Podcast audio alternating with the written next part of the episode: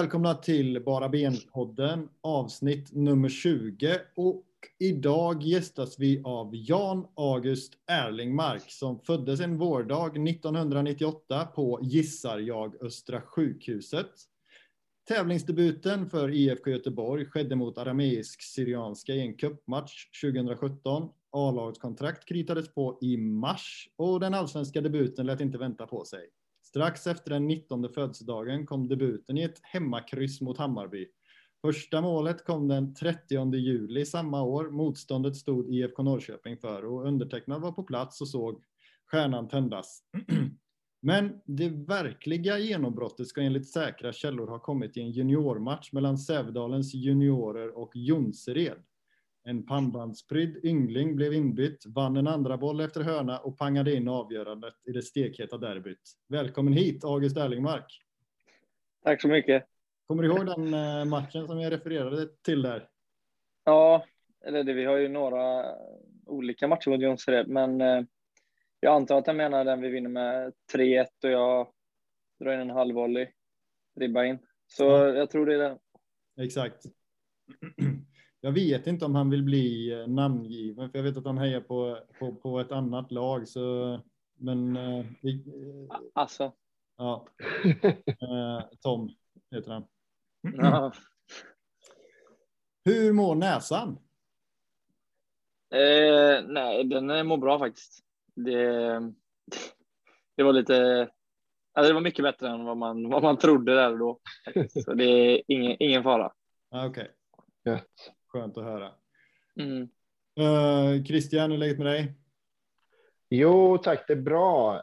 Um, fin post väntade på mig från uh, våra supporterkamrater. Ja. Uh, Hamsik-tishan. Uh, men, uh, nej, men jag är sådär måndagstrött och, och sleten efter sommartidsomställning etc. Men, nej, men jag är taggad. Det ska bli jävligt roligt att snacka lite grann med August. Mm. Antonio? Ja, jag kämpar på. Jag har en man cold som heter duga. Jag åkte på något i lördags där grabben eh, spydde ner typ halva huset i lördags. Sen så kom det till mig. Dottern blev sjuk nu också, så jag sitter i en. Jag har ingen internet hemma heller, så jag sitter i en jävla bil och poddar härifrån, så jag kan inte ens vara. Ja, det är tuffa förutsättningar idag, men eh, jag har ju lite värmande här också om det skulle behövas. Jag stärker upp lite. Ja. Vad är det för tröja? Eh, det här, jag har. Det, här är, det, det, det är Landvetter. Jag tränar den här klubben. Ah, jag har på med okay. den idag. Mm. Trevligt. Så, ja, men det, det, är det faktiskt. Eh, bytt, bytt logga eller? Var inte den grön innan? Eller grön? Ja, men det är, dam, det, det är damernas den här. De har olika. Det är Landvetter och så är det Landvetter IS. Jag har dock ah, med okay. båda klubbarna. Craft på killarna och Adidas på tjejerna. Nu efter vintern får jag säga att uh, Adidasen sitter ju jättebra. Absolut. Mm. Craften är lite kämpigare, men den sitter åt lite där. Ja, den är figursydd. Ja, precis. Den, den är bra i juli på mig. Då jävlar, då, ja. då, då, då, brukar jag stoltsera med den. Mm. Är det efter 16 weeks of hell då, eller? Ja, det är, ja, det är såna, nej, Tobias Hysén, 16 weeks behöver jag nog inte köra, men uh, jag får ju dra ner lite på godiset kanske. Ja. Och med mig är det bra. också. Härligt. Ja, Daniel heter jag, för den som undrar. Eh, Malmö FF, borta senast. Eh, tankar inifrån plan, August, hur kändes det? Eh, nej men eh, matchen börjar ju med en smäll i ansiktet. Eh, och det är väl klart att den, den symboliserar väl min match lite tycker jag. Personligen inte alls nöjd. Men eh, laget tycker jag ändå första halvlek står upp, eh, står upp eh, ganska bra. Vi eh, ligger rätt i positionerna och, och leder ju rättvist. Eh, och har fina tendenser offensivt. Även om det borde, vara, det borde finnas fler så tycker jag ändå det var ganska, ganska bra. Sen andra börjar vi ju katastrofalt. Och ja, det blev som det blev, en utvisning och tycker ändå sista tio kvarten är helt okej okay utifrån vi är en man mindre och ändå lyckas skapa lite oreda. Men eh, ja, andra halvlek är ganska, ganska dåligt tycker jag. Mm. Jag tycker första så, så, så, så satte ni en jävla fin press som verkligen eh, bet på dem ganska bra ju. Mm. De fick tjonga ganska mycket Malmö. Mm. Ja, jag håller med. De, eh, man märkte att de är ändå ganska nybyggda liksom. Det är nya spelare in och han serben jag mötte på den kanten eh, så såg man ju var duktig, men han känns inte som att han var så mycket med i, i spelet liksom. Men eh, ja, de kommer säkert vara, vara bra när serien börjar, men eh, ja, jag. Det kändes inte som. Det kändes konstigt att förlora den matchen faktiskt. Ja. Eh, tyvärr. Christian, eh, var, ja, du var inte på plan, men, men utifrån. Men utifrån, hemifrån till och med numera. Um, jo, nej, men jag, jag såg väl samma saker hemifrån soffan egentligen. Um, det, det som slog mig lite grann det är att jag tycker nästan alla matcherna i år så har ni en bra halvlek och en dålig. Eh, och ibland så är det den första som har varit lite sämre och den andra som har varit bättre. Um, mm. Men jag tyckte också, jag, jag, blev förvånad över hur bra det såg ut mot Malmö ändå. Um, jag tänkte inte så mycket på aspekten att de inte är helt färdigbyggda, men så är det ju såklart. Men jag, jag, nej, jag, jag förstår verkligen varför du är besviken över att ni förlorade. Det är, för det såg bättre ut än så, helt klart. Mm.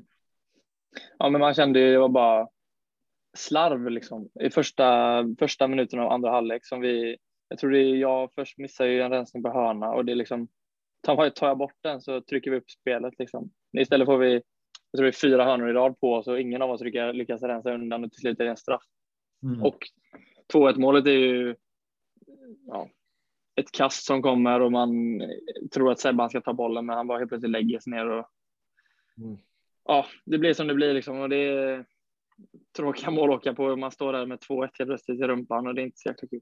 Nej. Alltså 2-1 målet.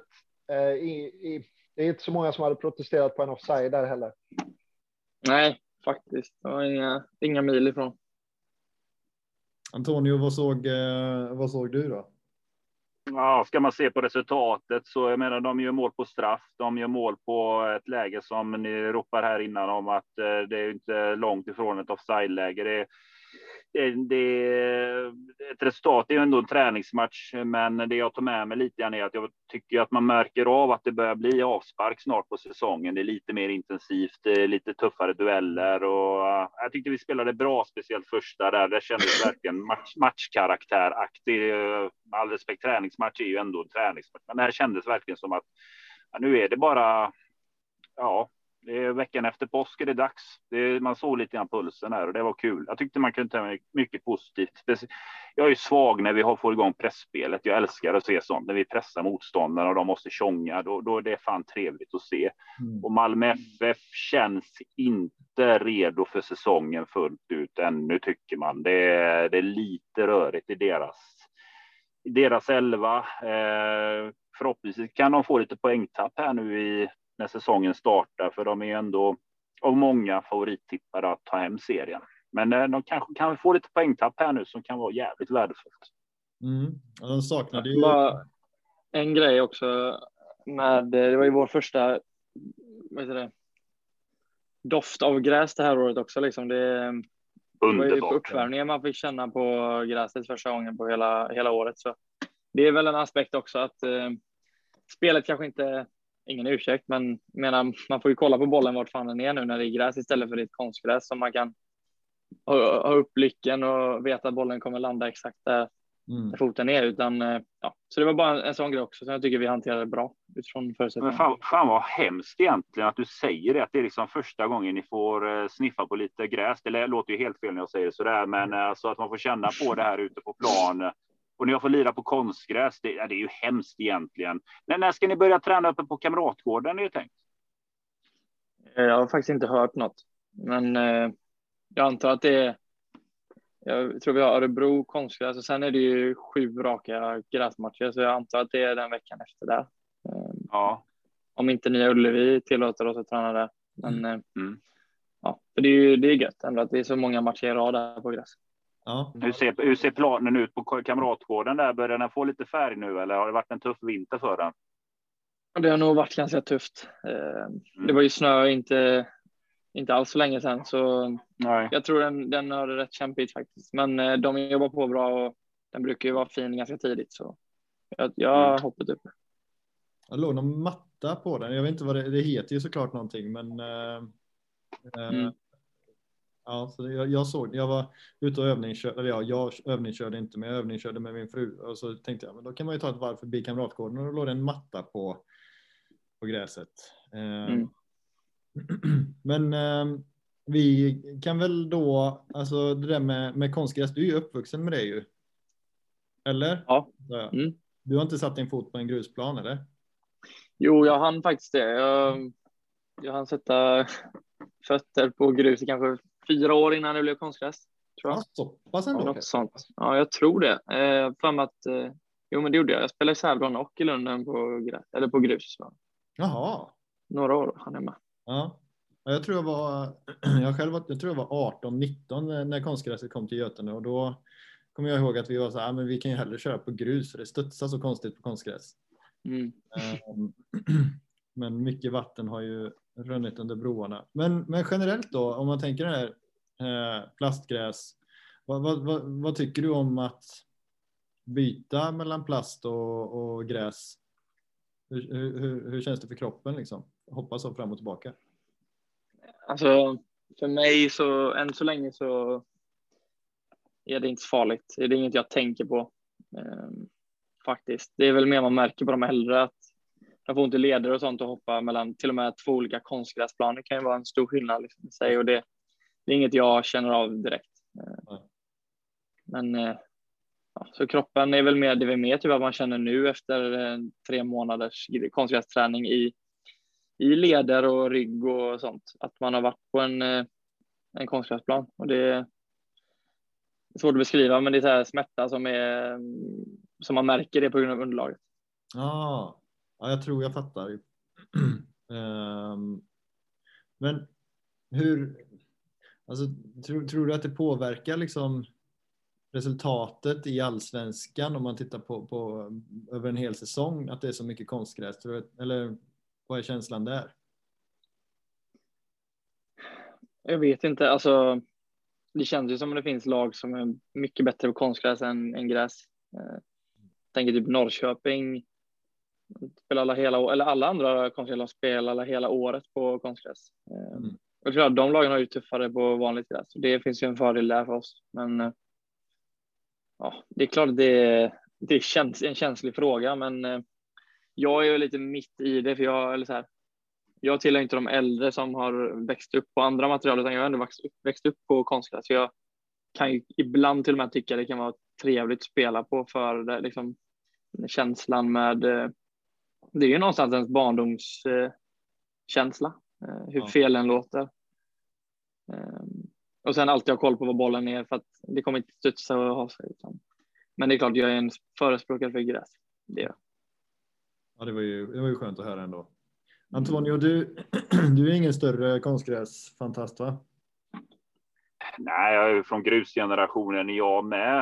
Eh, det, det är kul att ha en sån som Erlingmark här där man kan ställa den frågan för man vet ju om också att det, eh, som jag förstår det så finns det ju olika sorters kvalitet på konstgräset runt om i allsvenskan. Ni vet att eh, Thomas Wernersson, han brukar ju söra, köpa sten, marksten av och han pratar ju om att det konstgräset som är på Bravida, det ska ju vara något av det yppersta klassen medan kanske konstgräs på Tele2 är en budgetvariant. Om man ställer liksom de två planerna mot varandra, Erlingmark, hur, hur känns det?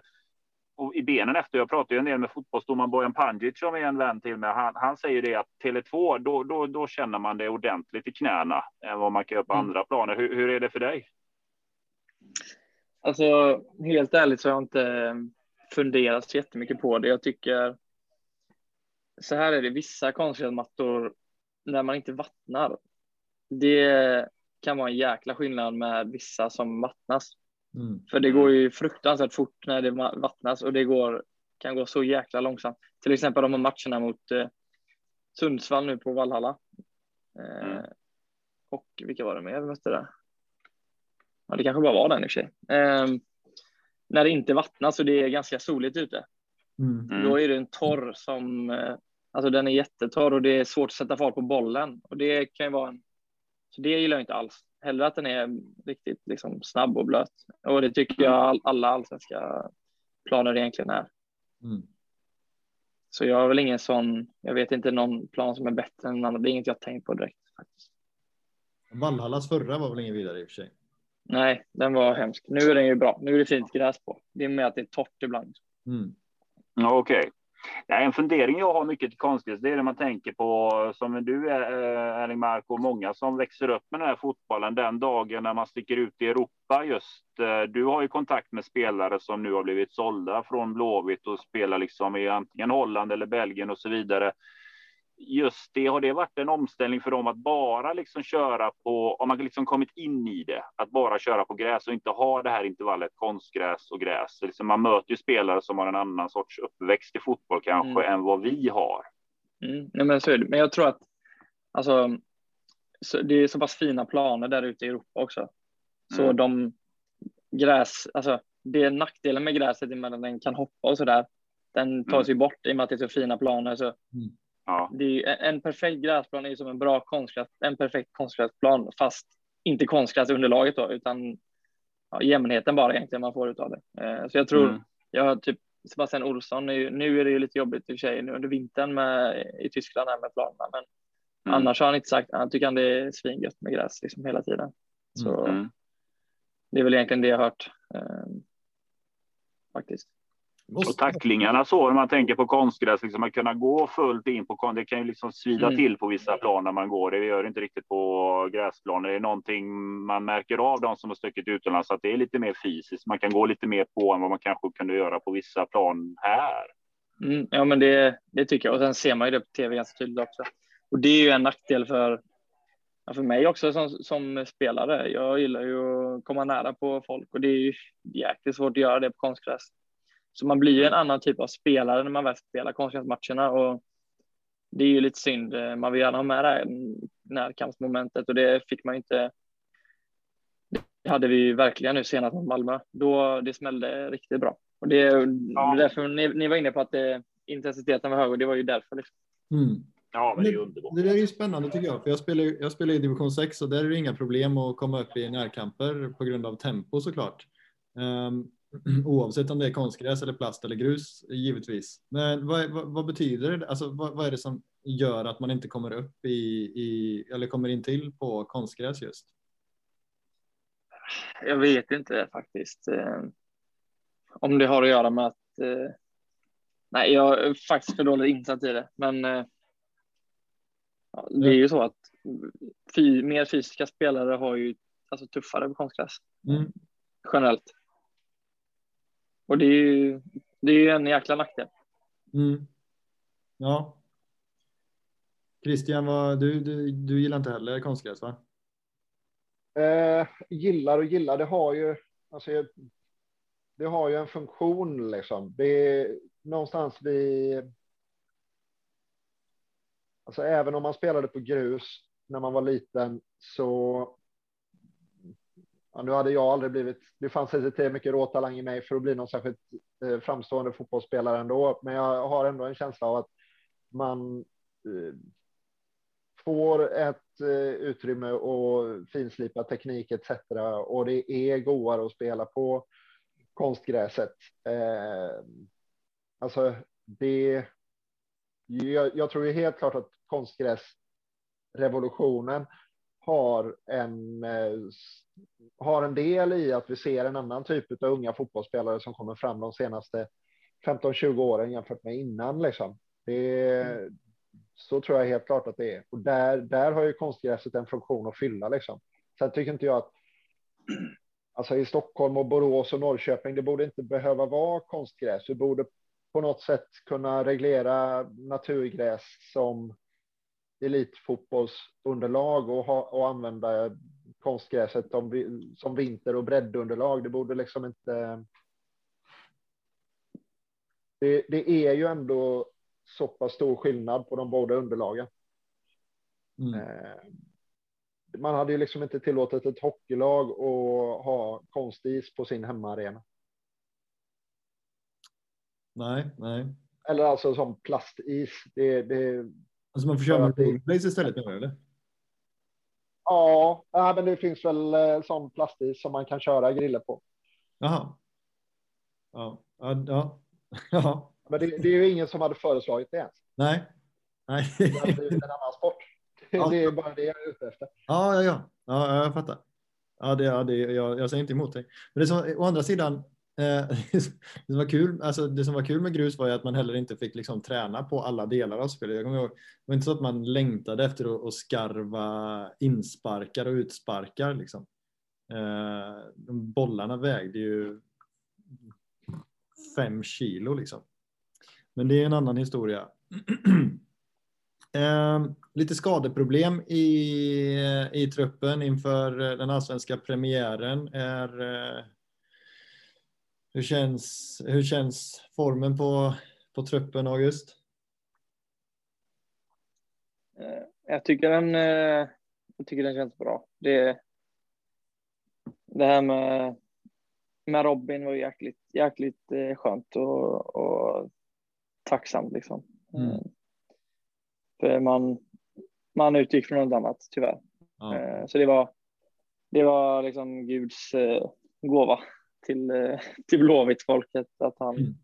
höll sig hel. Eh, Jag vet inte, det känns som att eh, läget, det är folk som är på väg tillbaka. Eh, Jaja är på väg tillbaka. Eh, och Han har inte varit med på hela året. Så, Ja. Nej. eh, ja.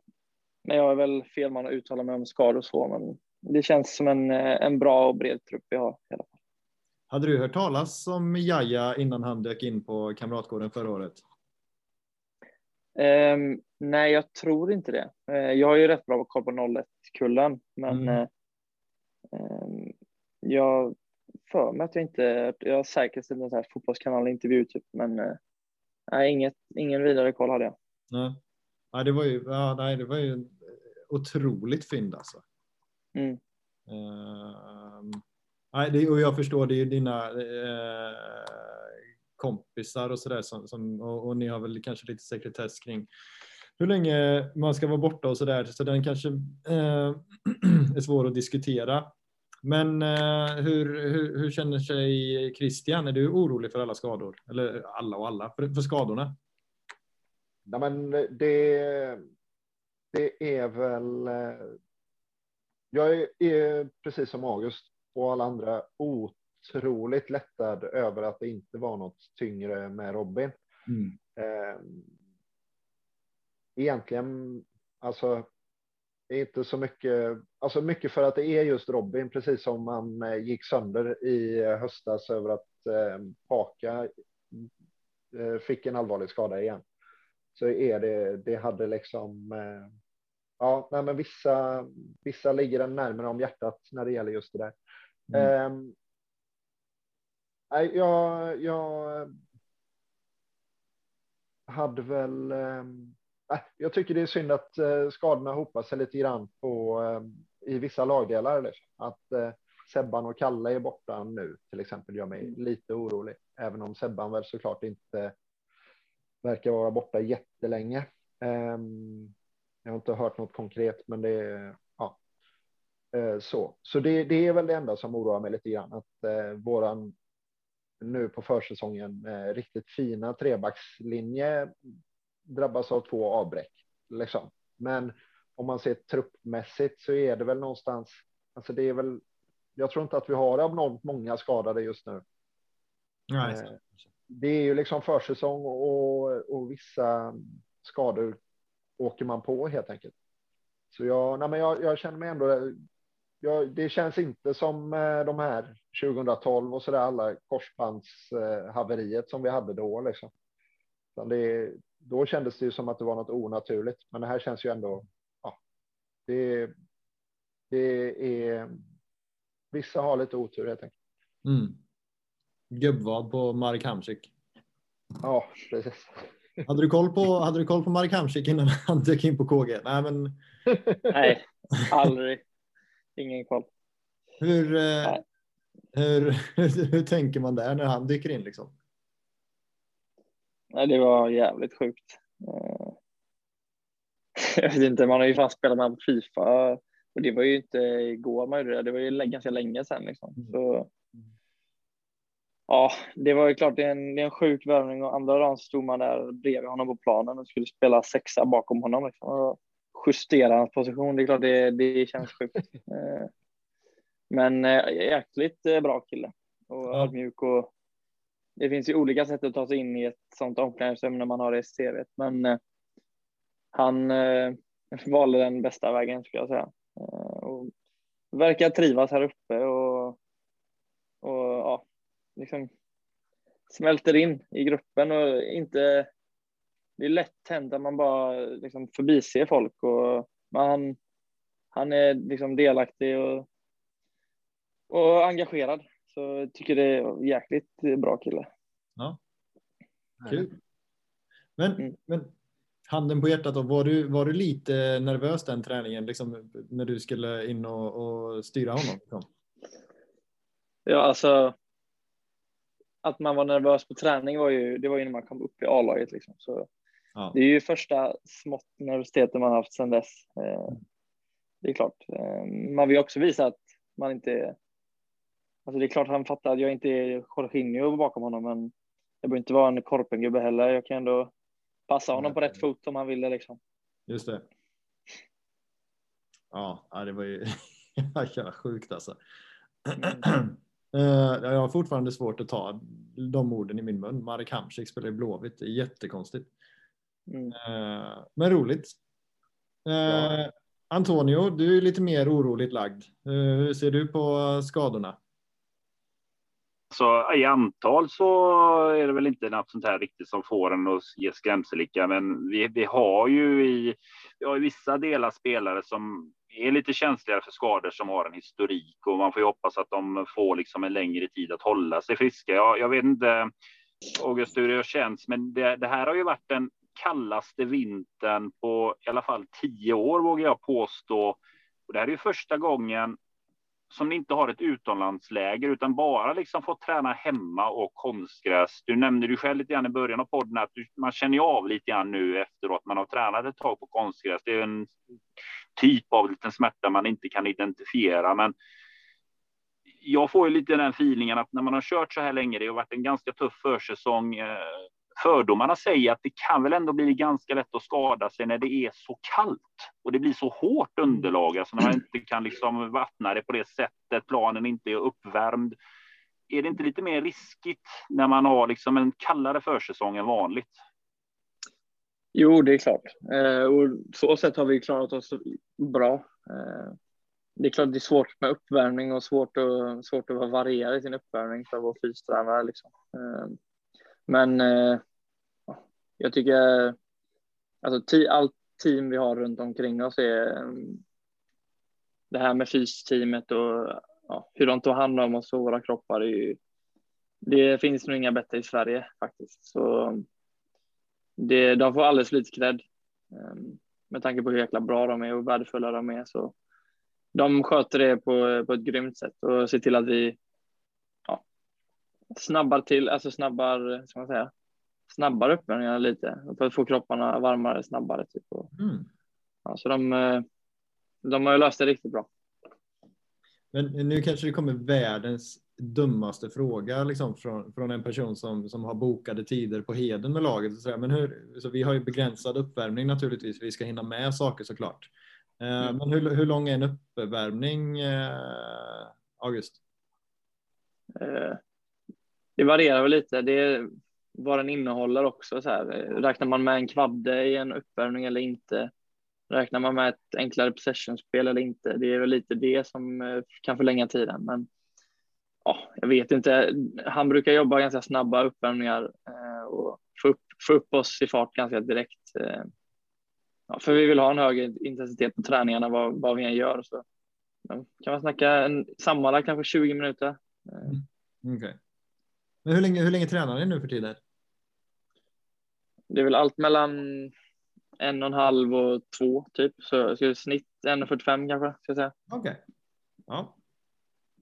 Ehm, vad, vad har vi för, eh, topplag i år då? Är, är Blåvitt med i toppen? Och vilka, om vi säger topp tre? Kan ju Christian, vilka, vilka ser du som de största guldkandidaterna? Um, jag, jag har fortfarande svårt att runda Malmö trots att de inte såg jättevassa ut eh, nu sist. Eller inte har sett vassa ut på försäsong överhuvudtaget egentligen. Um, men eh, alltså så länge de har den här typen av trupp som de har haft de senaste åren och så länge de har de här pengarna på banken liksom, så kommer jag nog plita in dem som etta ändå. Um, sen, tyck, sen tycker jag att eh, Djurgården har sett bra ut och Norrköping, förutom matchen mot oss, så har de sett bra ut. Uh, jag såg inte matchen mot Häcken, så jag vet inte riktigt hur de eh, såg ut där. Där åkte de ju ur kuppen, men. Eh, ehm, men eh, ja, nej, men det är väl min topp 10 tror jag. Mm.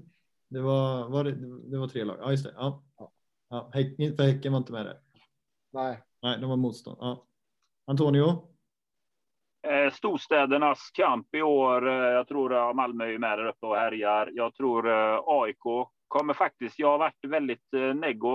Det har varit skönt. Jag tror absolut inte på dem, men de har gjort lite del nyförvärv. Tycker AIK hittar det som är deras signalement och det är att jobba med ett starkt försvar. Och idag gjorde de ju klart med eh, Alex Milosevic som skrev på. De bygger liksom sin trygghet i försvaret, kommer spela 1-0 fotboll och gå på det, bevaka sin ledning som de gjorde jädrigt bra här för ett par säsonger sedan. De är med i toppen i år också. Här jag tycker de har mixen av sin otroliga defensiv som de ändå har och sen har de lite spelare som kan skoja till det och sen är vi med där. Vi ska absolut vara med och blanda in oss i toppen i år. Jag säger det, jag sa det förra avsnittet också. Jag har feelingen i år. Nu de här namnen vi får in och truppen vi har med all respekt som generalen där ute på Sportbladet huserar om att vi kommer sälja spelare till sommaren. Det gör alla klubbar. Alla klubbar säljer spelare under sommaren, inte bara Blåvitt, generalen. Så hör vad jag säger till dig.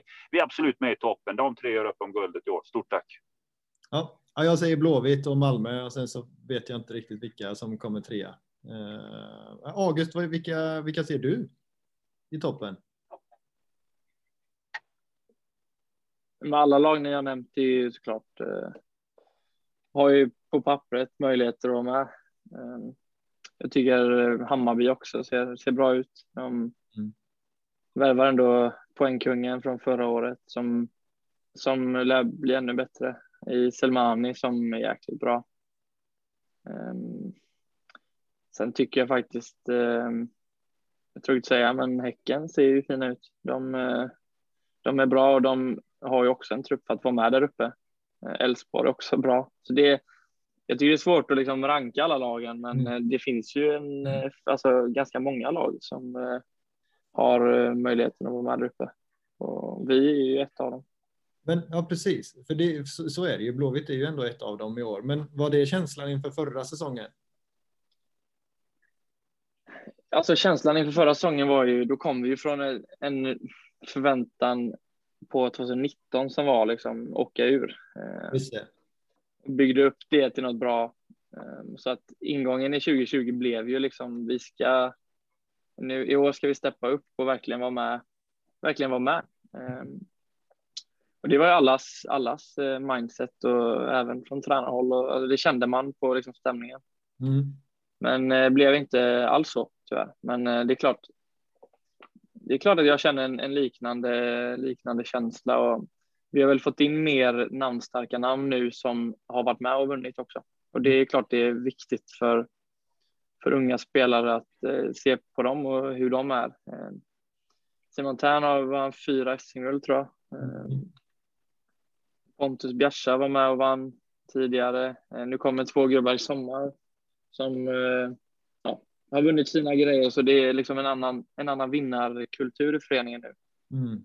Det märker man på, på det mesta. Eh, så jag tycker att, eh, att vi har bättre förutsättningar då, ändå faktiskt. Alltså, det där med vinnarkultur är jag nyfiken på. För det är någonting man känner av, precis det du säger. Men alltså, hur, hur märks det konkret? För att jag menar, man hör alltid vissa klubbar pratar om att ah, det sitter i väggarna när man kommer in där i den lokalen. Det mm. skriker guld där och så vidare. Men alltså, vad, vad konkret är det som gör att det, det är vinnarkult, mer vinnarkultur nu när ni är ute och tränar kontra? Är det liksom hur ni pratar, hur ni gormar åt varandra? Är det snacket i omklädningsrummet? Pratar ni om pyttipanna där i omklädningsrummet? Att det ska bli gött att käka det där till slut av Alltså hur konkret är det här med vinnarkultur i föreningen nu? Är det Håkan Mild som kommer ner och härjar? Vad är frågan om? Nej, men en grej är ju Håkan också. Eh, han har ju haft lite snack och så inför truppen och det är klart att han är tydlig med det där. Eh, sen är det ju det jag framförallt tänker på i träningarna. Alltså det är en annan intensitet och, och liksom vilja och mindset på träningarna. Det är väl det jag märker framförallt att eh, folk, folk vill inte förlora. Ah. Och folk vill vinna. Så det är väl, det är väl egentligen där jag tänker en liten fördom som var förr, alltså det som har surrats mycket om man tittar i sociala medier och det får du rätt om det är fel, det är väl att man upplever att det är lite grinigare på träningarna nu kanske och det kanske var lite mer familjärt förr, men att det är lite tuffare tag och man gormar lite åt varandra. Man är bästa vänner vid sidan av, men att det är en tävlingsanda nu som inte riktigt, alltså den var inte, mm. den var hög innan, men att den har mm. steppat mm. upp lite grann nu. Mm. Jag håller med, jag håller med helt. Det den var som du säger hög innan, det tycker jag faktiskt. Eh, men det är klart, med de spelarna som kommit in så blir det ju automatiskt en nivå till. Det är inte. Det är inte så konstigare än så. Blir det så här när det kommer in? Jag tänker att när ni, man tittar lite grann på truppen förra året så alltså då fanns det ju en sorts konstellation, eh, man kan kalla det för ledarfigurer i truppen. Om vi tar början av året liksom, som tog för sig och höll lite grann i träningarna, så att säga, de som lät mest. Och sen så kommer det plötsligt kommer det in väldigt profilstarka namn med erfarenhet. Alltså vad händer i ett omklädningsrum? Blir det liksom eh, spännande eller rör det om sig rejält i ett omklädningsrum när det kommer in erfarna spelare som kanske har sin bild av klubben än vad den befinner sig just då. Om du förstår min fråga. Det blir liksom mm. många röster som kommer in samtidigt. Vad hände där sommaren förra året? Blev det lite liv i omklädningsrummet på ett annat sätt eller? Mm. Jo, men det blev det. Alltså. Jag vet inte. min spontana tanke då var ju liksom att det kändes som att det var att det behövdes och att det folket som kom in bidrog på ett bra sätt. Um, det är klart, jag var ju en av dem som var ganska tydligt utpekade i början av förra året att så här, du är vicekapten och du är liksom inte av coach då, men mer av gruppen liksom. Jag var mm. ändå högt, högt ansedd rent så. Ehm, och det är klart att när det kommer in folk som, som har liksom en ytterligare nivå där, det är klart att det blir automatiskt att de tar för sig mer. Det är klart, de mm. kommer inte in och bröta det direkt, men det, det blir ju som att de, man tar ju för sig allt mer tiden går. Och det är klart att Sebban och Pontus är, är två killar som hörs i omklädningsrummet och ska höras. Ja, ja. Det är sådana de, såna de är liksom. Och det ser jag bara som något bra. Det kanske flyttar pressen från, från mina axlar. Det kanske var lite för mycket press på mig förra året för nu i efterhand liksom vad man klarade av. Det kanske ja, räcker för en spelare i 20-21 års åldern att försöka fokusera på sin egen fotboll än ta hand om eh, klubbens eh, och lagets eh, framtid. Liksom. Som, man, som man tyvärr lätt kan ta på sig utan att, utan att någon ens har gett en det ansvaret. Nej, jag, jag tänkte på det när du sa det att du var vicekapten och så där. Hur, alltså, hur var det att bära för ett par liksom, 21-åriga axlar? När det mm. gå trögt där?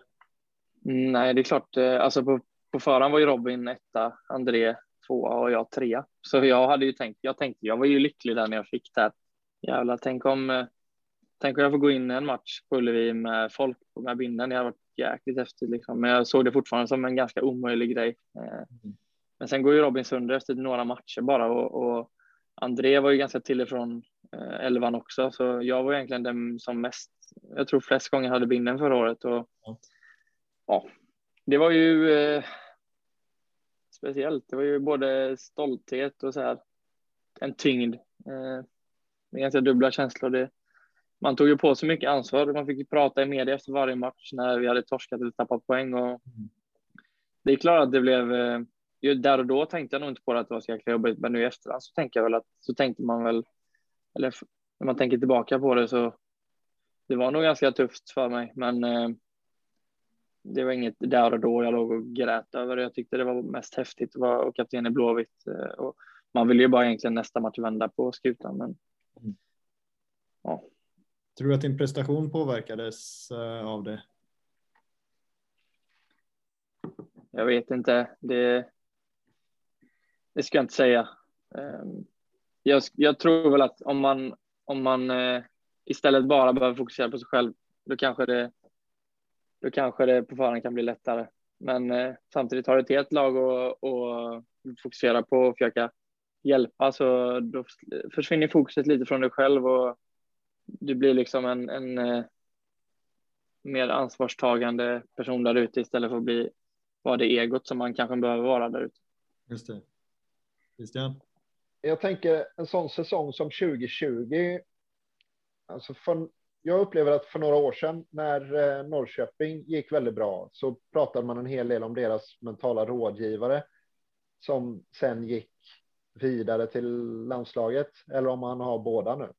Ehm, men en sån säsong som 2020 för Blåvitt var det många som tog hjälp av eh, den mentala coachen som vi har där uppe.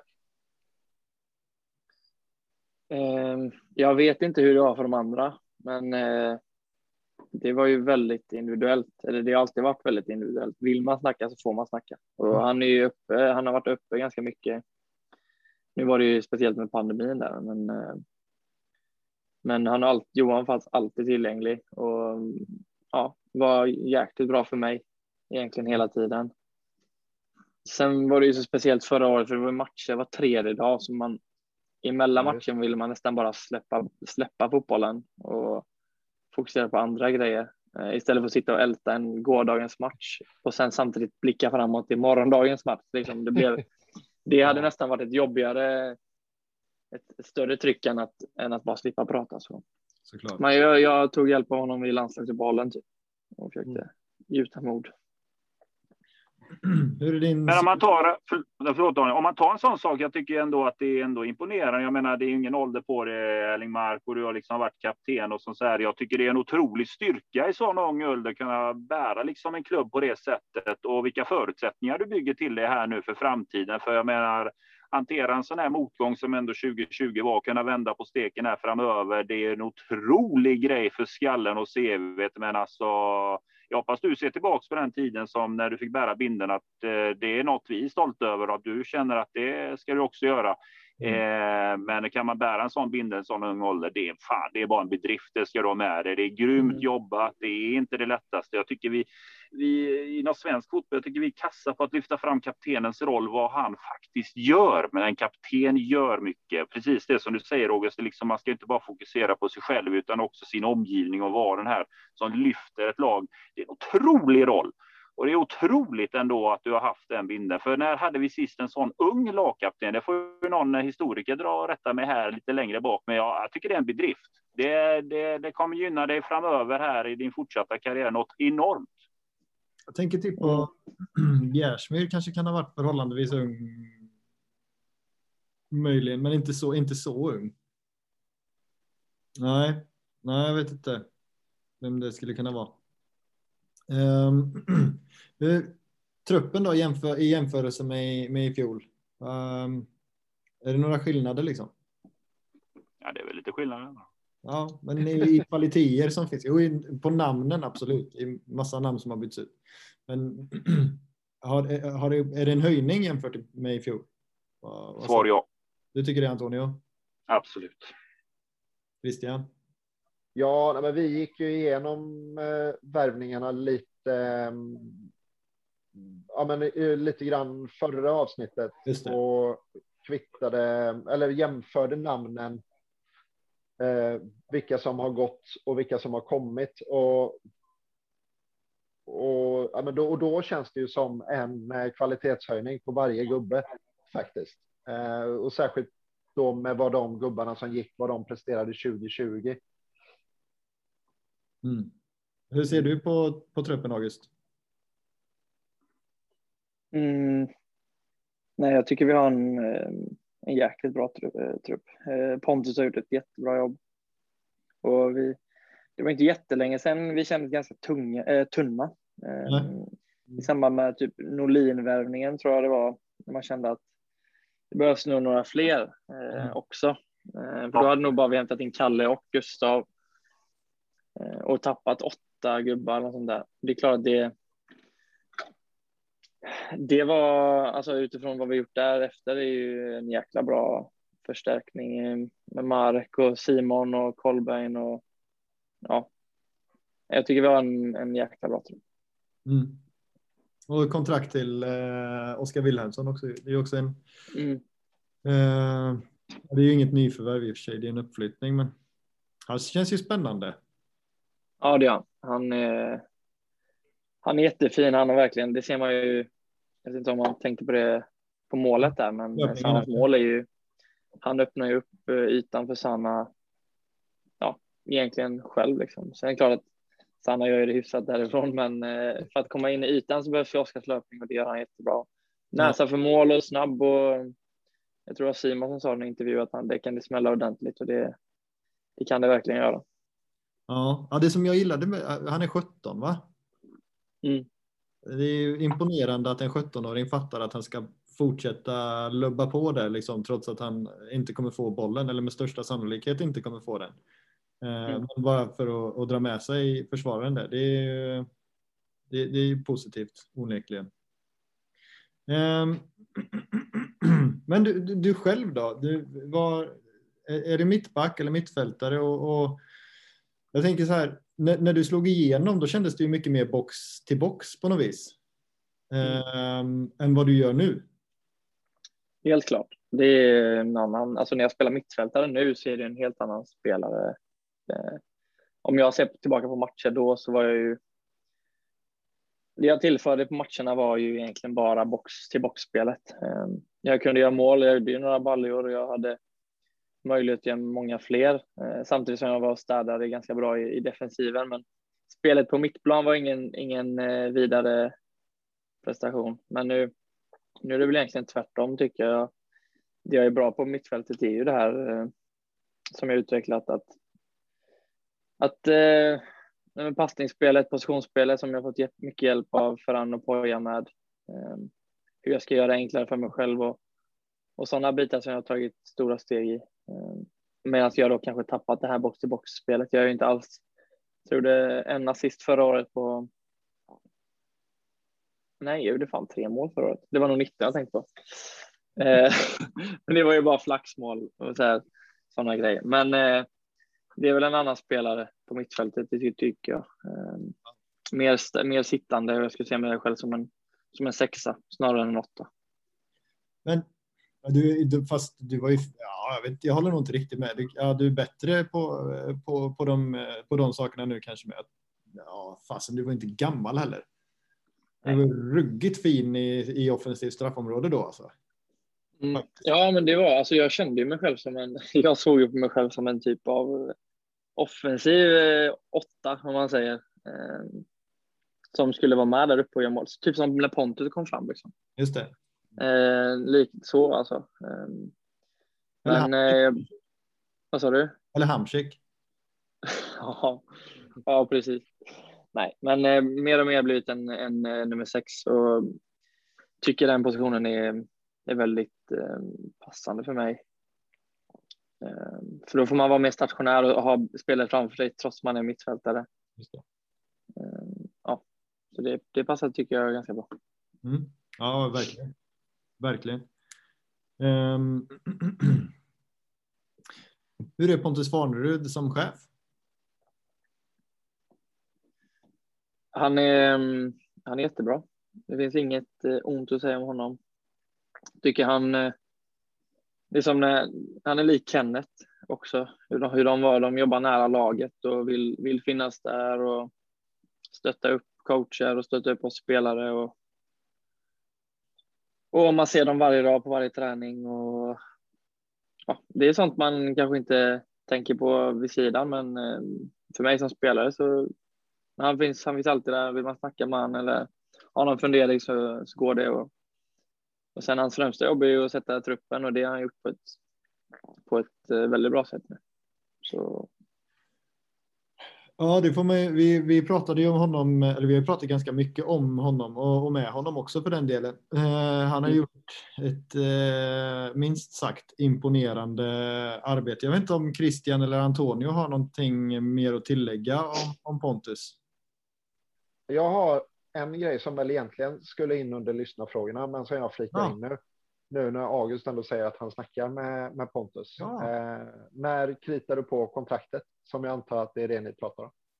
Jag klappar katten nu Christian, så vi pratar. Ja, Ciggen i käften.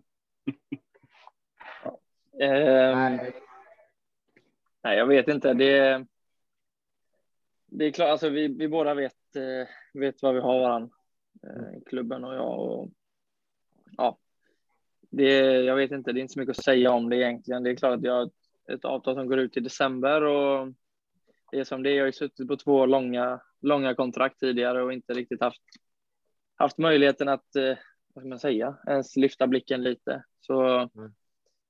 ja, det är väl en ny sits för mig, men eh, det är inget jag, inget jag har panik över. Jag trivs ju, som ni vet, väldigt bra i Blåvitt och, och ja, stänger inga dörrar där heller. Liksom. Så vi får, vi får se vad som händer, men eh, ja, det är, det är lite tidigt att snacka om också. Vad sa du? Dialogen fortsätter i alla fall. Mm, ja, precis. Det, det gör den verkligen.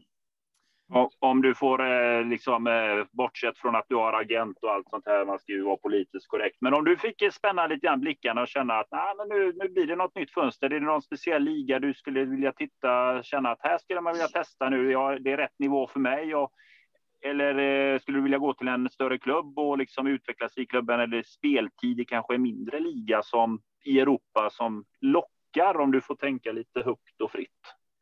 Mm. Eh, alltså jag har ju inte.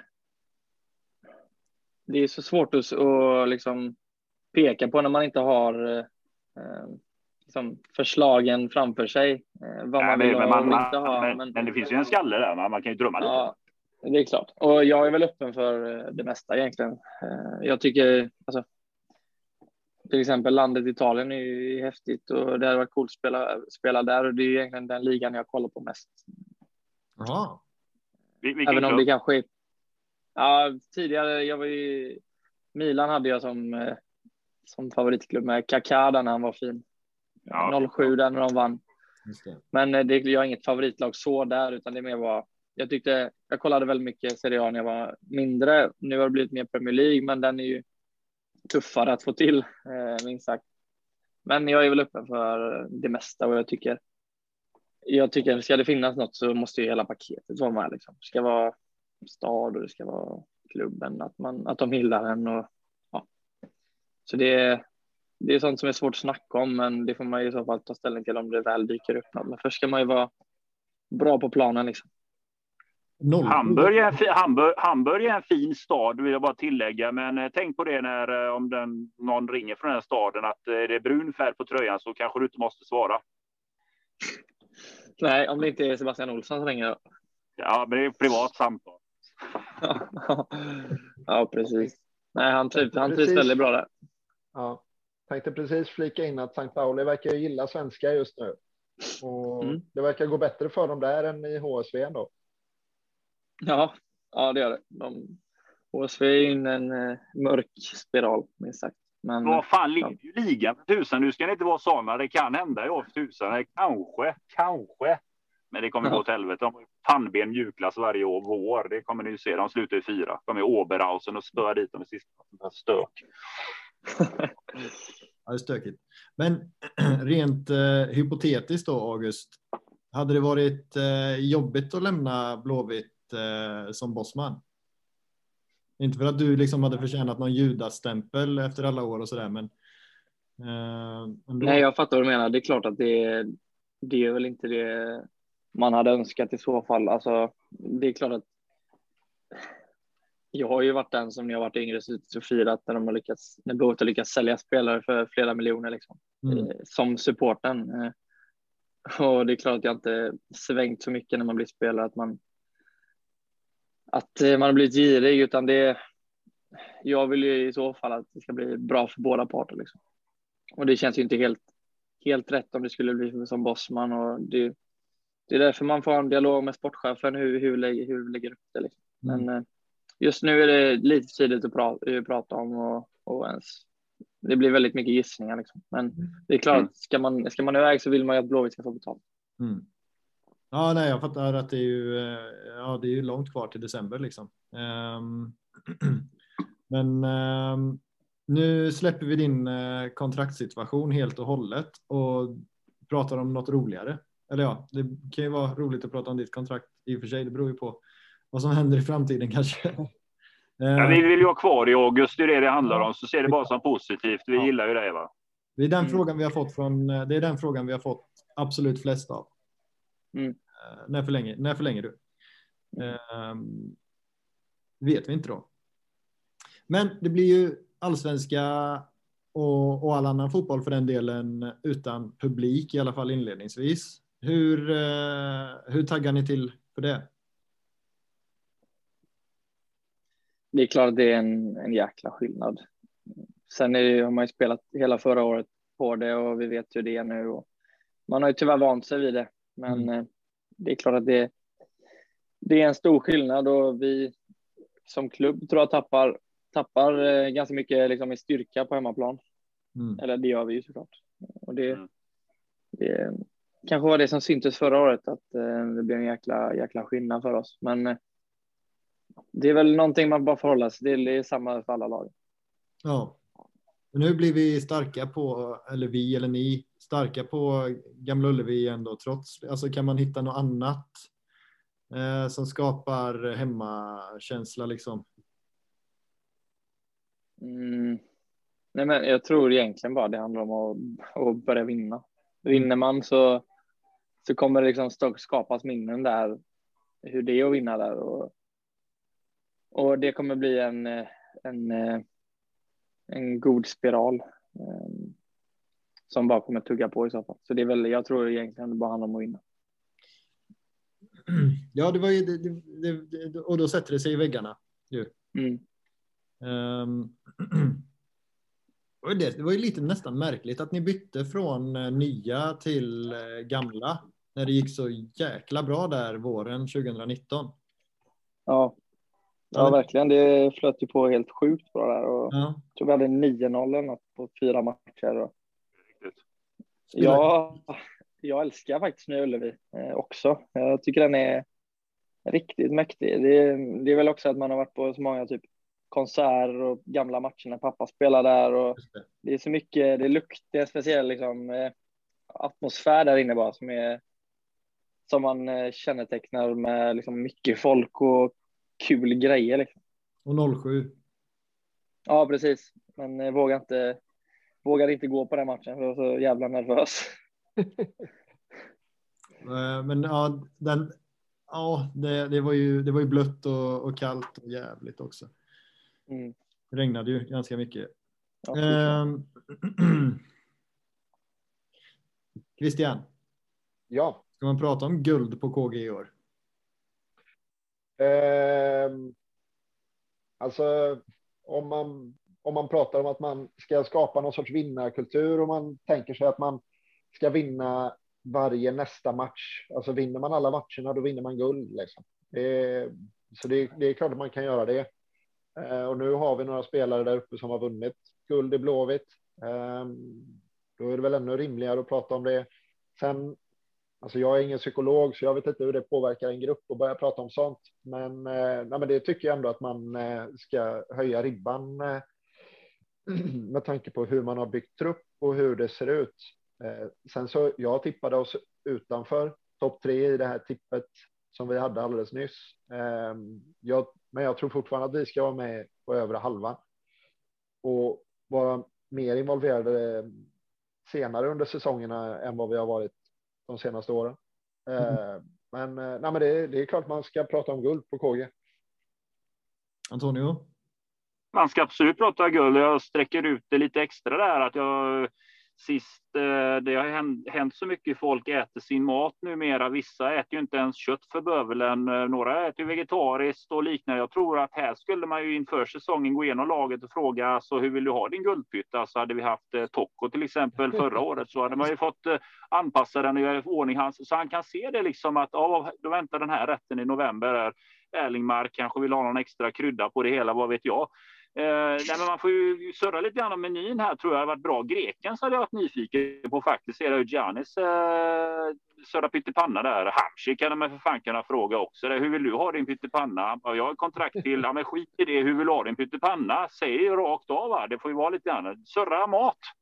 Mat är alltid mm. kul. Det har varit jättekul där liksom. Och sen om man förlorar en match så börjar man ju känna vad fan, jag vill ju ha min eh, pytt här nu. Så ja, snacka mat för tusan. Så ja, ja, då, det, det är bara att köra. Vi snacka, det kan ju vara lite kul att bara störa hur maten ska serveras.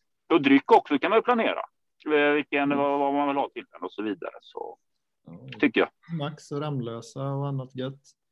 Ja, det hoppas på lite spetsigare för vissa, men herregud. Ja, ja, ja. Cred till de som tar Ramlösa den kvällen. Absolut.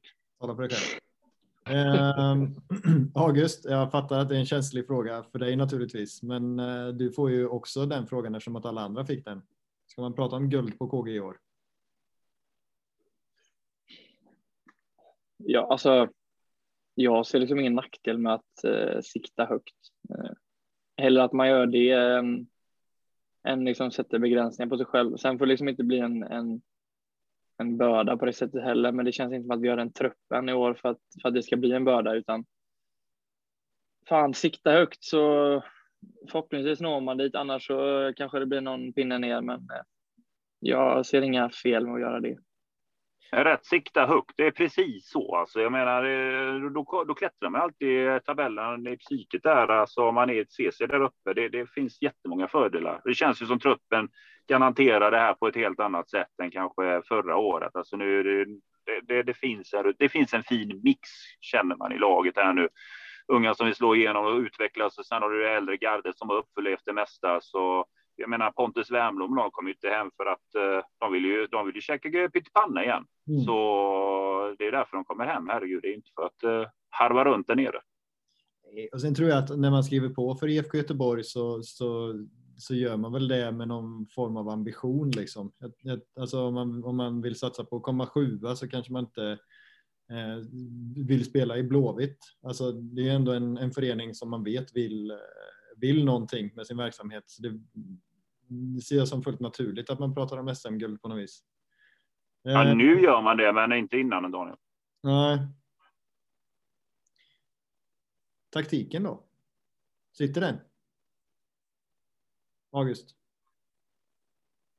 Mm, ja, alltså jag tycker den känns eh, jättefin, 352 eh. Mm. Nästan förvånansvärt fint. Mm. Vi spelade ju det några matcher förra året i början när rollen kom mot ja. Köpenhamn och Just Just den matchen. Jag tror aldrig haft så lite att göra på en match som mot, en, mot FCK och det var ändå liksom bra jäkla motstånd. Så, och då var ändå mittback. Så det är klart att eh, nej, men jag tycker den, den eh, formationen är fin och den passar oss väldigt bra. Vi får upp våra offensiva ytterbackar ännu högre, vilket de, vi vill ju ha dem så högt som möjligt. Och, eh, det är klart, nu gick ju Kalle, Kalle sönder där eh, som mittback, men eh, tycker ändå vi har några alternativ för att, för att täcka upp den positionen också. Mm. Samtidigt som vi får, får väldigt mycket hot offensivt i och med de spelartyperna som, som vi har. Vi har ju mittfältare för att verkligen spela i de ytterpositionerna som, som ändå det behövs finnas ganska speciella kvaliteter som egentligen Simon personifierar kan jag mm. tycka. För att spela en sån eh, mixad roll. Um, så nej, jag tycker det känns jättebra. Ja. ja, jag tycker det ser, jag håller med om att det ser uh förvånansvärt bra ut. Det känns, det känns som att ni har lirat det här ett tag, liksom, men det har ni. Mm. Um, vad, vad, säger Christian och, och, och, Antonio? Antonio? Ja, jag gillar ju det här med att yttrarna kommer så högt upp i ytterback. Det känns som vi får en offensiv spets där ytterligare med det här spelsättet. Jag är lite nyfiken där, eh, August, när det kommer till... Vi har ju ganska offensiva ytterbackar som kilar rätt högt uppåt. Hur, hur fungerar arbetet vid snabba omställningar för motståndare? Är det tanken där mm. att eh, de defensiva mittfältarna snabbt ska också kunna bli försvarare där när motståndarna kontrar snabbt och vi har kanske ytterbackar som har kilat högt upp så att det är ett ganska. Det är ju 3-5-2 på pappret, men som ställs om lite grann beroende på hur spelet ser ut. Mm. Eller? Mm. men det är väl beroende på vilken sida som bollen är på. Säg att våran höger är våran högerwing högt upp och ska ha slått ett inlägg, då får ju man som höger mittback, då, som jag senast, får ju pusha, pusha upp lite och bli nästan en ytterback eh, i en 4-4-2 där, för då får vi komma in med vår bortre, bortre wing eh, om vi inte stannar kvar med honom. Eh, men det är klart att det blir lite, man, man blir ju ganska så liksom, man får flytta ganska mycket som mittback. Eh, det blir ju mm jäkligt långt ut på kanten ena sekunden och sen andra, när spelet vänder så får du flytta in långt. Så. Men ganska så här, va, ähm, flexibelt spelsystem som mm. äh, är ändå rätt så enkelt att äh, förhålla sig till. Och jag tycker vi har sett liksom, fyra, jag tyckte när vi spelade feedbacks tycker jag vi kunde se ihåliga ut. Och trots att vi vill vara den här solida maskinen så tycker jag de ändå kunde hitta in i oss för mycket. Och nu, mm. nu får de spela runt oss och det gör inte mig så mycket. Nej. Var det på grund av att du upplevde att spelet blev lite, kanske att det blev lite mer statiskt när det var liksom hamrat med fyra backar kontra nu när man då ställer upp med 3-5-2, men att det blir mer flexibelt hur man backar upp varandra och att man anpassar sig lite mm. mer till motståndet eller? Ja, dels det. Sen har vi istället för fyra spelare centralt i en 4-4-2 så har vi plötsligt sex stycken spelare. Vi har ju tre mittbackar och tre mittfältare som. Ja. Och dessutom två forwards som ändå är centrala som kommer. Deras ambitioner är att få dem att spela utåt liksom. Så det blir ju fler spelare centralt, vilket gör att motståndarna får ju rätt tajt där inne. Och det såg man ju. AIK när de vann 18 var ju extremt bra på på det här spelsystemet och de ja, tillät ju inget, inget spel igenom överhuvudtaget och det är ju, det är ju såklart en, en framgångsfaktor. Liksom. Ja. Men där blev det ju mycket mentalt också just det med man tar Gnaget att de hade det liksom så i sin skalle att gör vi första målet så är det möjligt att vi släpper in mm. ett mål. Det blev det följde ju verkligen hela den säsongen där och det är därför jag flaggar upp dem lite grann som en lurifax för det känns som att de är lite grann tillbaka till den här mentaliteten just eh, med den defensiva styrkan. Men det är kul att höra det för jag tycker också det ser väldigt positivt ut med det här 3-5-2. Det blir så lätt att man hakar upp sig att det är en 3-5-2 uppställning, men det är ju så ni startar, men att den varierar ju mm. något enormt under matchens gång och det, mm. ja, det, det, det är spännande. Mm. Mm. Christian, hur, hur tycker du att det har sett ut? Nej, men jag tycker att det har sett jättebra ut och eh, alltså vi har ju prövat 3-5-2 alltså 2018 och, och tidigare i, i enskilda matcher. 2018 var ju i princip hela säsongen, men det, då, då känns det inte som att vi har haft materialet för att göra det riktigt. Nu i Nej, år så, så känns det verkligen som att alla. Ja, men det passar alla väldigt, väldigt bra känns det som utifrån i alla fall. Det, mm. nej, men jag är ruggigt nyfiken på hur långt ni kan ta det faktiskt. Mm.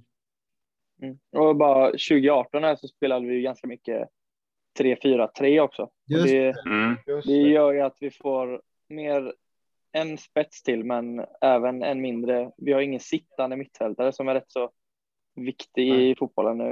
Eh, för där har vi alltid ett skydd nu, liksom. det känner man ju när man spelar eh, i, i 3-5-2 att det finns en extra mittfältare och det är äckligt värdefullt. Mm. Ja, jag, för jag fattar inte riktigt 3-4-3. Alltså, nu tänker jag inte sitta här och liksom recensera hur Poja tänkte eller sådär, men jag fattar inte systemet 3-4-3. Alltså, jag tycker att det, det, måste ju bli mycket ihåligare än egentligen alla andra. Jag fattar liksom inte hur man får ihop det. Det känns så, alltså tre anfallare mer eller mindre, de, det, det är ju ett jätteoffer på något vis. Mm. Jag, jag ser inte vinsten med att spela 3-4-3 riktigt. Jag tycker den känns jättemärklig. Mm. Um, vad, och vad har man för innermittfältare i, i, i en 3-4-3? Liksom? Man måste ju fortfarande ha kreativitet där. Ja, men det är extremt mycket ytor att täcka, så ja. där kan du liksom inte ha. Så... jag tyckte det var fruktansvärt jobbigt att spela 3-4-3 när, när vi gjorde det senast, för det är, det är ytor överallt att täcka det liksom. Um, I 3-5-2 så finns det någonstans du kan förhålla dig till din position och då sitter, alltså om alla är i sin position så är det svårt för motståndaren att, att göra mål. Um, och nu är vi ändå en extra mittfältare som jag varit inne på. Det är, det är gött, du behöver slippa springa de här onödiga meterna. Liksom. Men wingbacksen lär få springa däremot. Ja, det får de ju. De får det riktigt jobbigt. Och anfallarna får springa en del också. Ja, det är sant. Så det är vissa positioner som får eh, kämpigare. Nästa punkt på eh, körschemat är ju då vilken tränare kommer få avgå först. Eh, Underbart. Ja, eller hur? Jag älskar den. Där har jag ju pendlat lite då mellan eh, Rydström som har en problematisk liksom, eh, historia i, i Kalmar. Alltså dels då som superhjälte som spelare, men ja, superhjälte kanske inte var, men väldigt populär ja. spelare i alla fall. Och sen så fick han ju gå ut bakvägen och nu är han tillbaka. Jag tror att eh, han behöver nog leverera resultat eh, för att få vara kvar. Och sen, eh, ja, men vad kan det annars vara? jag får nog nästan eh, lägga min gissning på, på, på, på Rydström. Alltså. Christian? Åh, nu ja, tog men... du min, höll jag på att säga. Um, ja, jag kan byta. Nej, nej, men jag, jag tror ju något av storlagen kommer ju vara om någon av dem underpresterar. Hammarby, om Hammarby skulle gå dåligt till exempel, så sitter ju Billborn jättelöst. Ryktena gick ju att han var ganska lös tidigare. Att han var ganska eh, lös? Nej, att han satt löst. Ah, ja. Att han har suttit löst tidigare. Mm. Eh, ja, jag tippar på Hammarby, att de gör bort sig och att Billborn får fot. Kim och Tolle skrev ju nytt kontrakt nyss också i och för sig. Det är både för att eh, de rycker. Jag tänker Pelle Olsson-logiken där. Just det. Uh, Antonio? Eh, fan Christian, jag var helt inne på Bayern-spåret där. Billborn tror jag, jag tror, tror de kommer ge bort sig här. Alltså det är rörigt i den organisationen. Eh, ja, nej, de, de har tuffa krav. Jesper Jansson är en tuff jäkel där. Alltså det, det, nu, nu ska de ta det här, vad vill de ju. Nej, jag tror Billborn hänger lös. Sen säger jag Jon Dahl Tomasson.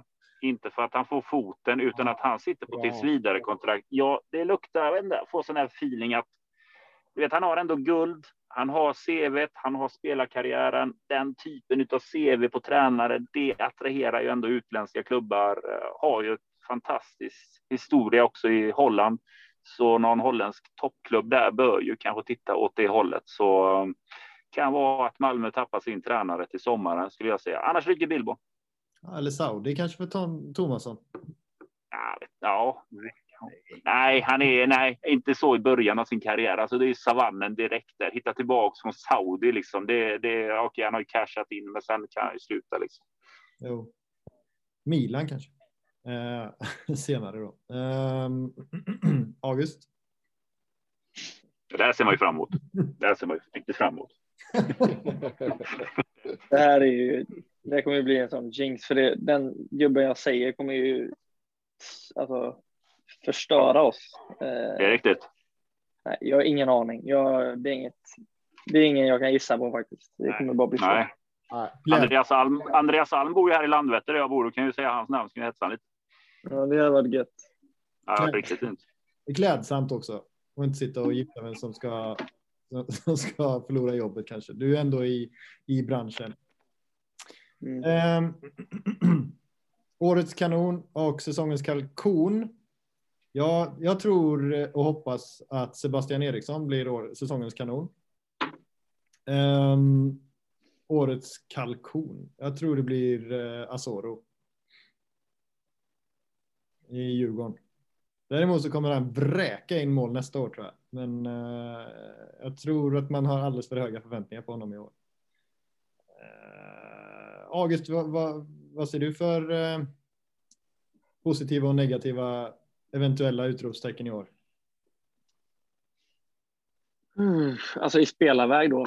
Ja, eller lag. Får vara en domare också. Alltså jag tror ju att eh, Sargon kommer göra 15 baljor. Nej, men han kommer göra, Det är kommer göra det jättebra tror jag han kommer vara. Mm. Eh, Degerfors, eh, ja, jag vet inte, de, de kan ju explodera på något konstigt sätt, men samtidigt kan det ju bli, kan det gå åt andra hållet också. De har ju ja, förutsättningar för båda grejerna, men jag, kanonen blir ju garanterat Sargon. Han kommer göra sig Mm. Ja, Tobias Hysén var faktiskt, jag snackade med honom i ett annat ärende och han var också inne på att eh, Sargon eh, är bra liksom. Eh, mm, Och kommer, han. kommer göra det riktigt bra. Eh, Mm. Christian? Men vi fick in kalkon där va? Eller var det Degerfors? Potentiellt. Ja, Nej, ja, potentiellt, men jag vet fan alltså. Jättesvårt tycker jag. Konstgräs. Du kan, du kan, du kan, du kan tänka spritt, spritt där. Du kan tänka domare, gräsplaner. eh, Du behöver inte tänka spelare för. Läktare och sånt där och allt möjligt. knacka ner domare på försäsong är väl sådär kanske. Ja, det hade Ja, det varit, kanske det hade är varit, men ja, det det, lär jag få äta upp. Ja. ja. Nej, men Bojan kör någon annan så länge så får jag fundera lite om jag kommer på något. Christian? Ehm, kanon. Jag säger eh, Kalle. Han eh, var ju på gång lite grann redan i fjol, men jag tror att han kommer göra det ruskigt bra, särskilt kanske extra mycket när han får konkurrens av Oscar Wendt till sommaren och får spela i en sån tuff eller med så mycket bra spelare runt sig. Mm. Som så ung så tror jag att han kommer få grym utväxling. Ehm, kalkon. BK Häcken. Ah, det gillar vi. Mm. Eh, Antonio? Eh, kanon, hela jävla Blåvitt. Eh, Det är, man får utgå från hur tabellen slutade förra året, så det blir en riktig raket upp. Va? Mm. Kalkon är faktiskt Elfsborg och de slutade ju tvåa, men eh, de har. eh, De säljer av en hel del eh, spelare, unga, och de har flera på väg att sälja, så de är väl lite grann i en omställning, bygga upp ekonomi. Jag har svårt att se att de är med i topp tre, så de kommer sjunka ner rätt ordentligt i tabellen. Inte någon bottenstrid, men eh, det finns lite förväntningar på dem i år. Jag säger att de är mer i mitten träsket i år. Mm. Jag har faktiskt ingen eh, kalkon som jag kommer på. Tyvärr. Tråkigt, tråkigt nog. Ja, klädsamt också kanske. Eh, du får säga konstgräs. Du gillade i och för sig det. Ja, jag gillar Nej, jag, jag gillar fan inte, det ska jag ändå förtydliga. Det är inget jag gillar. Jag hade Bra. hellre sett, det är som ni säger det här med eh, Stockholm, alltså där det ska gå att ha gräs så ska man ha gräs. Det kan inte vara så svårt. Det jag, det jag tycker är bra med konstgräs är ju på platser där det inte går och som utveckling för unga spelare, för det tror jag inte är. Du kan träna hur mycket som helst konstgräs. Du kommer liksom planen slits inte. Du kan som ung så är det så lätt i kroppen så du kommer liksom aldrig bli, bli skadad av det heller. Så det är guld i de sammanhangen, men så i allsvenskan så bör det undvikas. jag. Men då kan vi sätta kalkonen på konstgräs där, August, eller? Ja, det kan vi göra. Det kan. Ja. Tydligt. Vi närmar oss slutet här och nu, nu vill vi ha reda på vilka som är de tre jobbigaste spelarna att möta, August.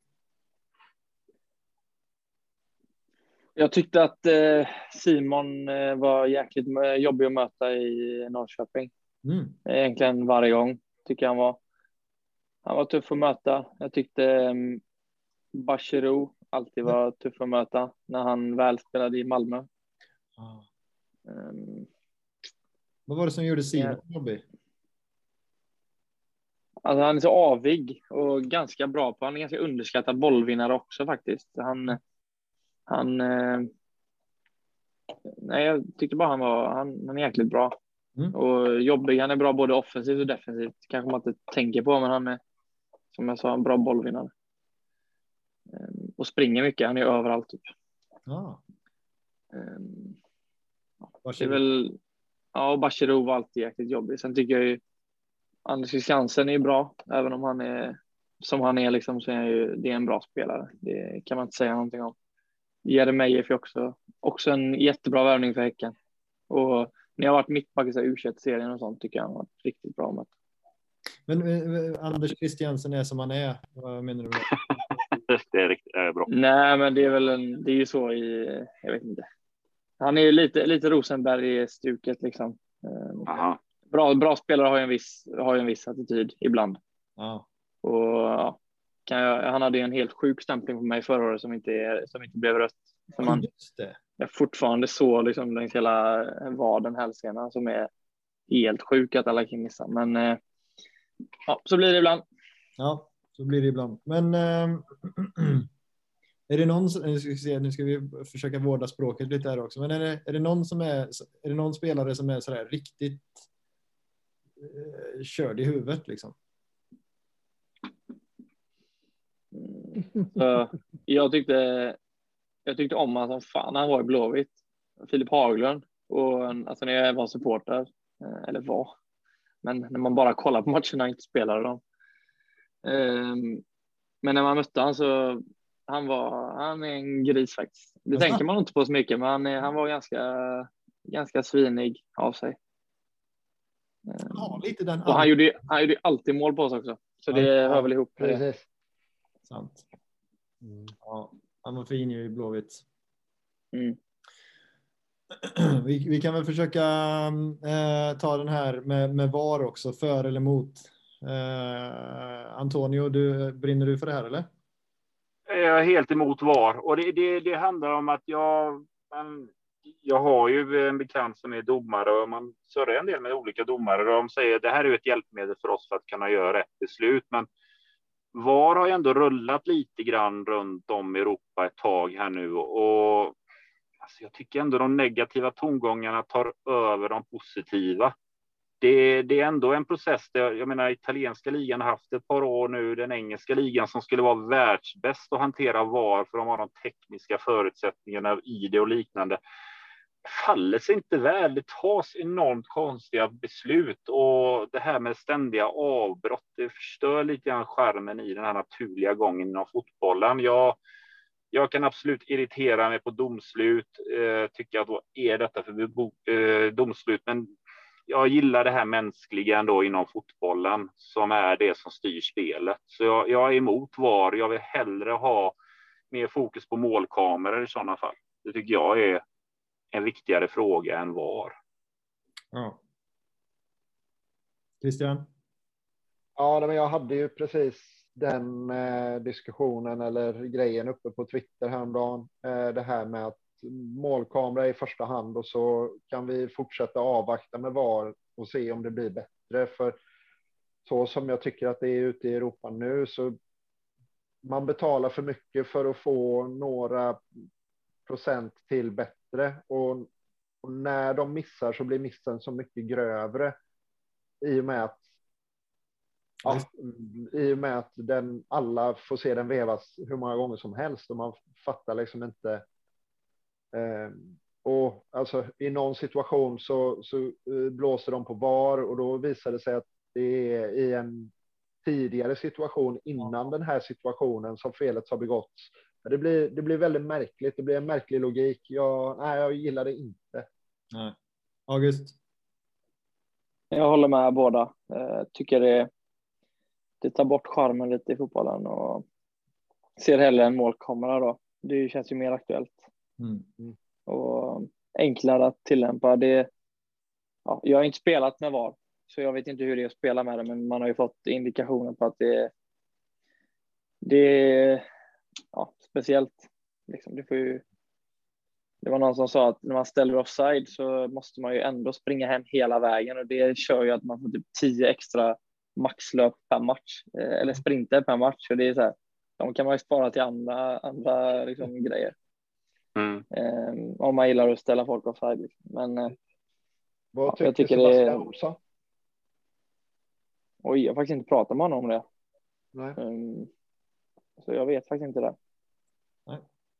Vi, eh, de flesta lyssnarfrågor som vi har fått eh, har vi faktiskt eh, täckt, skulle jag vilja säga. Mm. Eh, men det är det här med vinterbad. När ska du börja vinterbada med Hamsik? Nej, fy fan. Det, det är inte min grej. Alltså det var det sjukaste jag har sett. Jag vinterbadar på eh, nyårsafton nämligen. Eh, Mm. Och jag, jag brukar sikta på att vara i så här, 10 till 30 sekunder. Antagligen så är jag väl i 7 då. Eh, Jag kan säga att jag ser inte ut som han gjorde på magen. Alltså, det ser ut som att han har varit i en kvart liksom. Mm. Riktigt sjukt. Ja, de, eh, de älskar det där. Det har jag hört faktiskt också. Så. Men det är inget jag kommer eh, hänga på. Okej. Kommer du ha en chans mot Kalle Olsson på golfbanan? Eh, ja, Det är ju vår fystränare som ändå, det är väl vi två som har spelat lite förra året och tidigare, men eh, nej, han har ju fem i handikapp och är faktiskt jäkligt bra, så det, det lär jag inte ha i år heller tyvärr. Det var, så det, det är de jag har i alla fall som, eh, Ja, vi hade ju en till. Ehm, Vem i laget har bäst sociala medier och varför? Alltså den som har flest sociala medier och använder dem flest, eller mest i alla fall, det är ju Eller som, som... Ja, okej. Han, han jobbar ju mycket Instagram, eh, tyvärr, eh, får man ju säga. Men eh, nej, man får tycka vad man vill om det, men eh, det är väl ett intresse som man har. Det är väl kul, men eh, det är inget jag själv hade, hade gnuggat så mycket. Men eh, Okej. jag vet inte. Det känns som att folk är ganska bra på att hålla sig ifrån eh, sociala medier. Det blir ju ett jäkla tryck i sådana här klubbar liksom. mm. Och det har man ju märkt själv tyckte jag. Jag har sagt det tidigare i intervjuer. Jag tycker det var kul i början där när man kom fram och det skrevs lite roliga grejer om en. Men så fort det kom en eh, smäll då var det ju, var det ju liksom, blev man ju för påverkad för, för sitt eget bästa. Och det är Ja. lika bra att hålla sig undan från det. Liksom. Så jag tar bort Twitter och Men du har inga det privata, mesta. Det mesta. har du inga privata konton på grejer liksom som inte är offentliga liksom? Jo, det kan jag, det, jag har något privat Instagramkonto, liksom, men det är Ja. bara för några stycken. Liksom. Men det är, jag vet inte. Jag, jag har skaffat flick, eller jag fick flickvän förra året och hon har inga sociala medier. Så det blev, eh, jag gick med i den, åkte med på det tåget. Liksom. Och det är jäkligt skönt faktiskt att, att, eh, Ja, det är grymt. att eh, skippa de där grejerna faktiskt, för det behövs inte. Nej, ja, det är nog ett sunt tåg. Mm. Eh, Benny att- And- ja, Jag kör du. Antonio? vi har en här. Benny Andersson här skriver här i gruppen, vi som är i Blåvitt. Eh, Ska han flytta till Vejle? Det var bara en rak fråga. Ska du till Vejle? Flytta till Vejle? Det, det är inget jag det är inget jag har funderat på faktiskt. Så nej, det tror jag inte. Nej. Nej, jag... Eh, Thomas Johansson en ganska skön fråga. Hur fan tänkte han eh, när han trampade på en motståndare? Eh, vi vet inte vilken, men du har visst trampat på någon motståndare. Vad hände där egentligen? Om du får kommentera Thomas fråga. Jag fick ju rött kort mot Elfsborg i premiären förra året. Där. Just det. Ja, just det. Den. Men nej, det är klart, det var ju ett fruktansvärt hjärnsläpp. eh, Och det ser man ju på min rörelse. Jag hinner ju ångra mig precis när jag ska sätta ner foten och ta bort all möjlig kraft som går. Så det blir ju liksom en liten trippning på honom. Mm. Men eh, det är ju fortfarande en, liksom, det träffar jag honom på ryggen så det går inte att säga någonting om. Men jag hann ju till och med ångra mig då och då kan ni ju förstå att jag ångrat mig ett, ett, år senare också. Ja. ja, så är det. Jajamän, jajamän. Ja, ja. Blir det extra då eller? Ja. Vad sa du? Blir det extra böter då när man gör något så? eh, Ja, ja, men det var ändå dumt gjort liksom. Ja, det var. Det blev, vi har inget sånt eh, system, eller jag blev inte drabbad av det då i alla fall. Men, men jag fick ju mina böter i tre matcher liksom. Mm, just det. Ja, jo. Ja. Det var ju segt som fan. Det var inte det lite hårt sett till, alltså visst du trampade honom i- honom i ryggen men man ser ju faktiskt ganska tydligt att du ångrar dig också i rörelsen. Mm. Ja, jo, jag vet. Det är ju så här svårt, och, svårt att säga, men jag var faktiskt orolig för fler om jag ska vara ärlig. Så Mm. Ja, det är tre var ändå var jag ganska nöjd med i och med att en av dem var cupmatch. Som... Så jag var ju mest rädd för att missa mer allsvenska matcher. egentligen. Ja, såklart. Eh, En till fråga här. Eh, David Vukovic eh, som skriver en del här på Nya Blåvitt. Där. Han frågar mig att jag skulle fråga dig. När ska du och Noah släppa ert första avsnitt av Carpool Karaoke? Mm. Det var väl mer aktuellt eh, tiderna när man jobbade med Instagram kanske. Ja. Men eh, nej, det lär ju det lär dröja. faktiskt. Det, Noah får göra de där grejerna själv nu sidan. Det var, det var det hela. Hur var det här, August? Nej, det var jättetrevligt. Eh, det var ett tag sedan jag var med på någon sån här grej och det är kul att det är faktiskt, man börjar ju tänka på grejer när man pratar om det liksom. Och det är kul att höra era, era tankar på saker och ting också. Så, nej, det var bara, det är bara att ringa igen om ni får för er att göra det. Ja, lova. Du, du ska ha eh, ett stort hjärtligt tack för att, du, eh, för att vi fick låna av din dyrbara tid. Det var väldigt vänligt. Stort tack. Tack själva. Det var väldigt, väldigt trevligt. Härligt, härligt. Tack ska du ha. Ly- Lycka till eh, framöver med eh, ja, studierna, inte minst. Just det. Ja, Eh, just det. Ja, Ja, de är, vikt, de är viktigast. ja, men de är viktiga i en, i, en, i en längre kontext. Men framför allt Ja. lycka till eh, i, i början och fortsättningen och slutet av allsvenskan. Tack ska du ha. Tack. Ja, då säger vi ha det gött. Ha det gött. Tja! Ja, och då var det dags för tävling. Och i den här tävlingen kan man vinna en matchtröja signerad av eh, August Erlingmark. Eh, och det är faktiskt August själv som eh, ställer frågan. Yes. ehm, det är så att en spelare i laget är snabbare med boll än utan boll. Eh, vem är det? Ja, det får ni klura på. Ehm, ja, vi säger tack återigen och så stannar jag den inspelningen där.